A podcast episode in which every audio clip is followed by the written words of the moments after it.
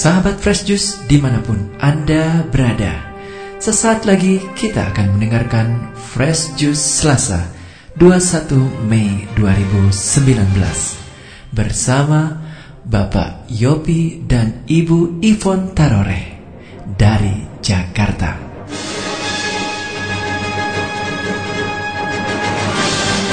Semoga Fresh Juice yang kita dengarkan semakin menyejukkan dan menyegarkan jiwa kita. Selamat mendengarkan.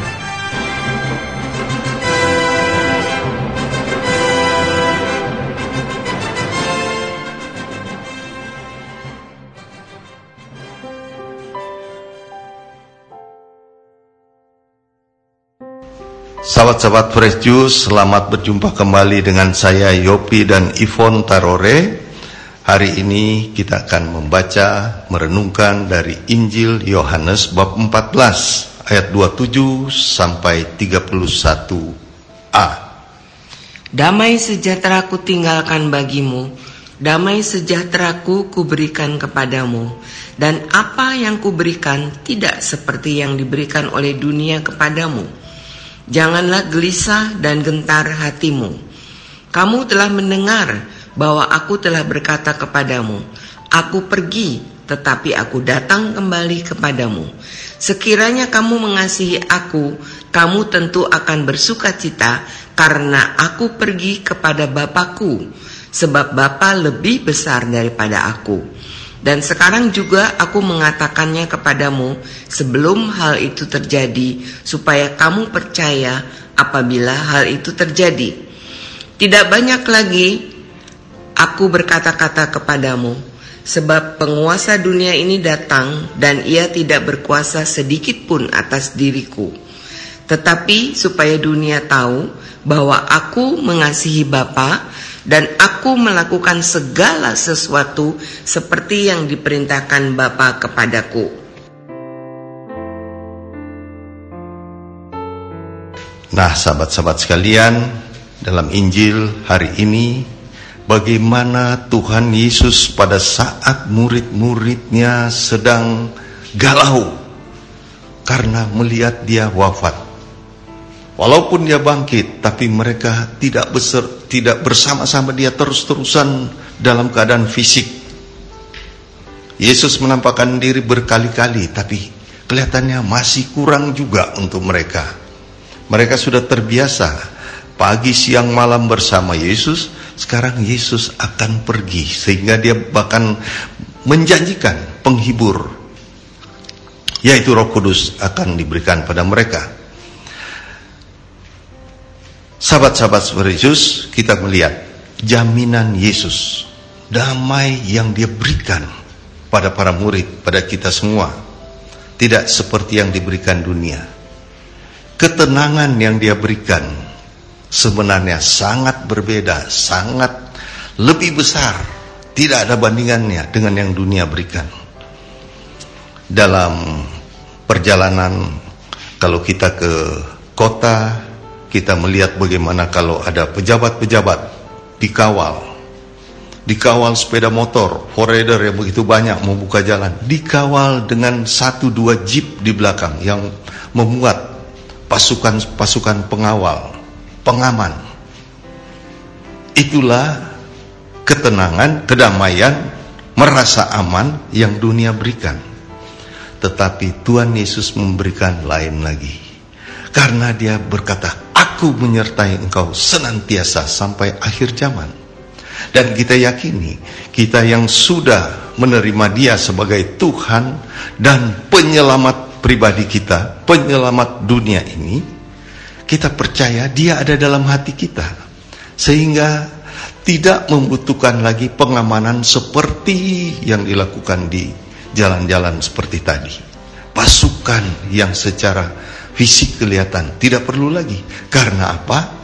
Yesus yang maha besar, Yesus yang maha kuasa, berkuasa atas surga dan bumi dan segenap isinya, ada di tangan dia kekuasaan itu, dia ada di dalam kita.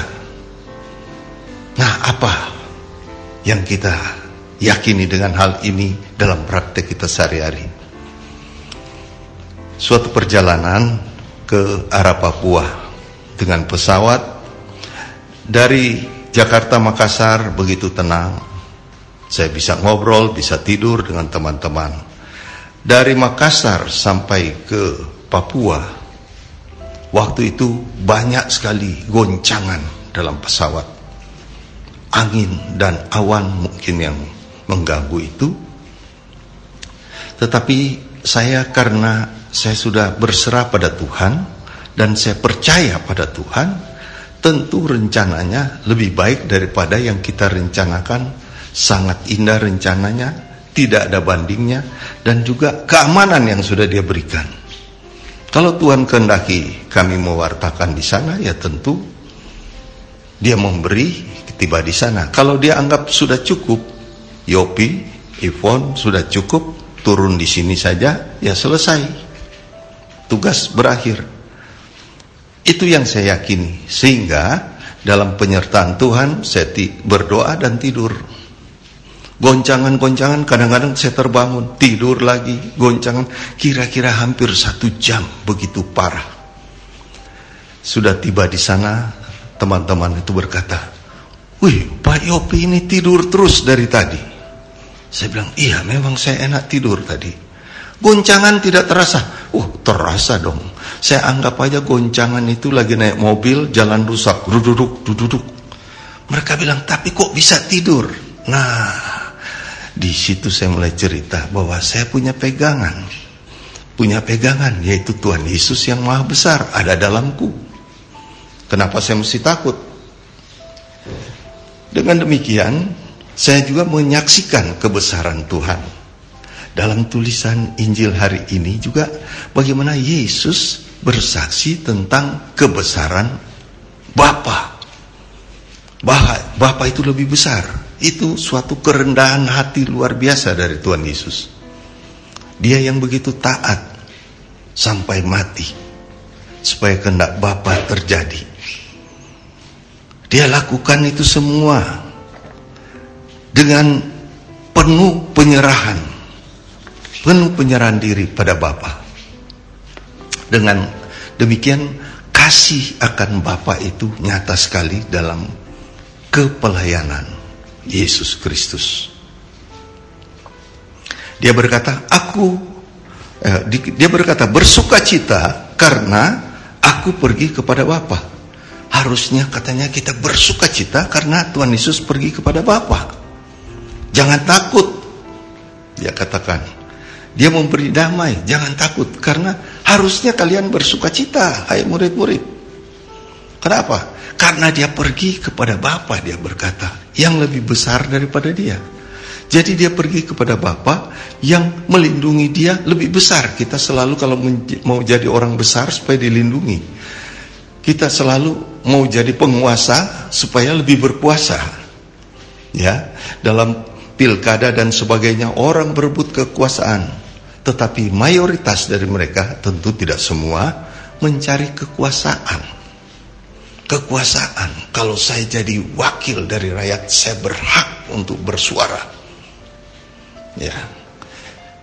Untuk itu, kalau kita melihat Tuhan Yesus di sini berkata kepada kita, harusnya kita ini bersuka cita karena dia pergi ke ada Bapa yang lebih besar dari dia.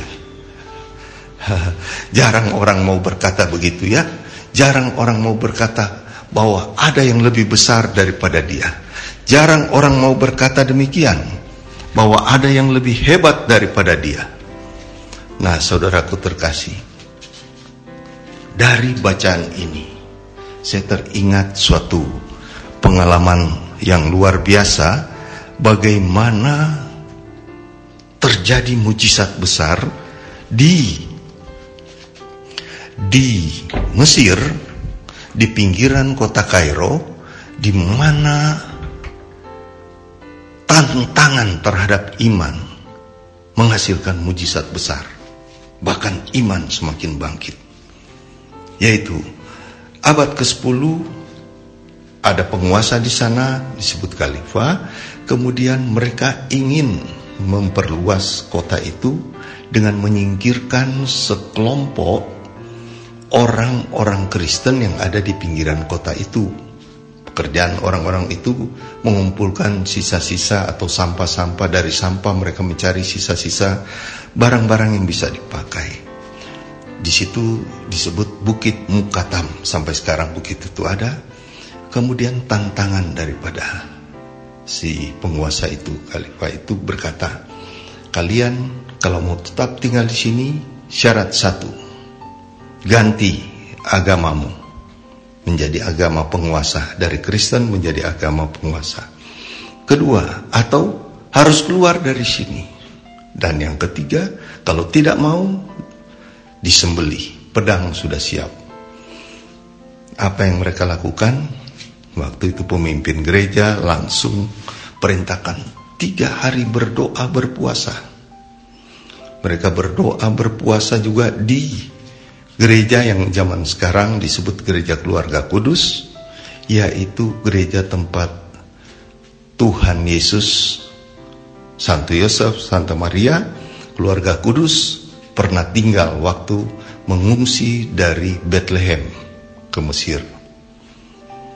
Nah di situ apa yang terjadi? Setelah hari ketiga dengan doa dan puasa bagaimana Tuhan turun tangan gunung itu terangkat.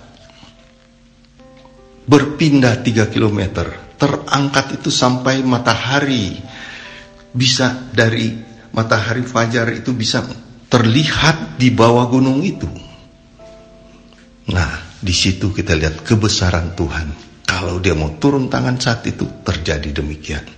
Dan sekarang pindah 3 km itu gunung itu menjadi gua raksasa yang memuat lebih kurang dua belasan ribu orang kalau beribadah menjadi gereja yang sangat unik yang tidak punya dinding tapi gereja itu dindingnya dari batu-batu asli pindahan gunung. Ini suatu kenyataan luar biasa bagaimana Tuhan itu juga masih mau menyatakan kuasanya kalau ditantang demikian besar dan iman yang memindahkan gunung itu karena khalifah itu menantang lewat Matius 17 itu bahwa jikalau imanmu sebesar biji sawi dapat memindahkan gunung, coba sekarang. Coba sekarang. Apakah kitab sucimu benar atau bohong? Iman sebesar biji sawi memindahkan gunung dan terjadilah tantangan itu dijawab oleh kuasa Allah yang maha besar. Dia yang terbesar dia yang menciptakan langit bumi dan segala isinya, dia dapat melakukan apa saja yang dia kehendaki. Nah, kita bersyukur bahwa harusnya, kata Yesus, harusnya kamu bersuka cita karena aku pergi kepada Bapa yang lebih besar daripadaku. Demikian kita, harusnya kita bersuka cita. Kita punya Tuhan yang rendah hati, Tuhan yang maha baik, Tuhan yang maha kuasa. Tuhan kita memberkati kita semua. Dalam nama Bapa dan Putra dan Roh Kudus. Amin.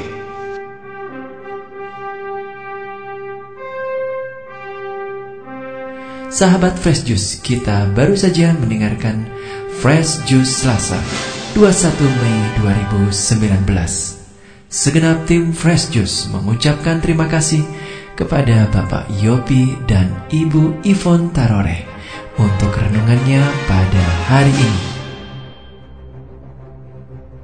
Sampai berjumpa kembali dalam Fresh Juice edisi selanjutnya. Tetaplah mengucap syukur dan salam Fresh Juice.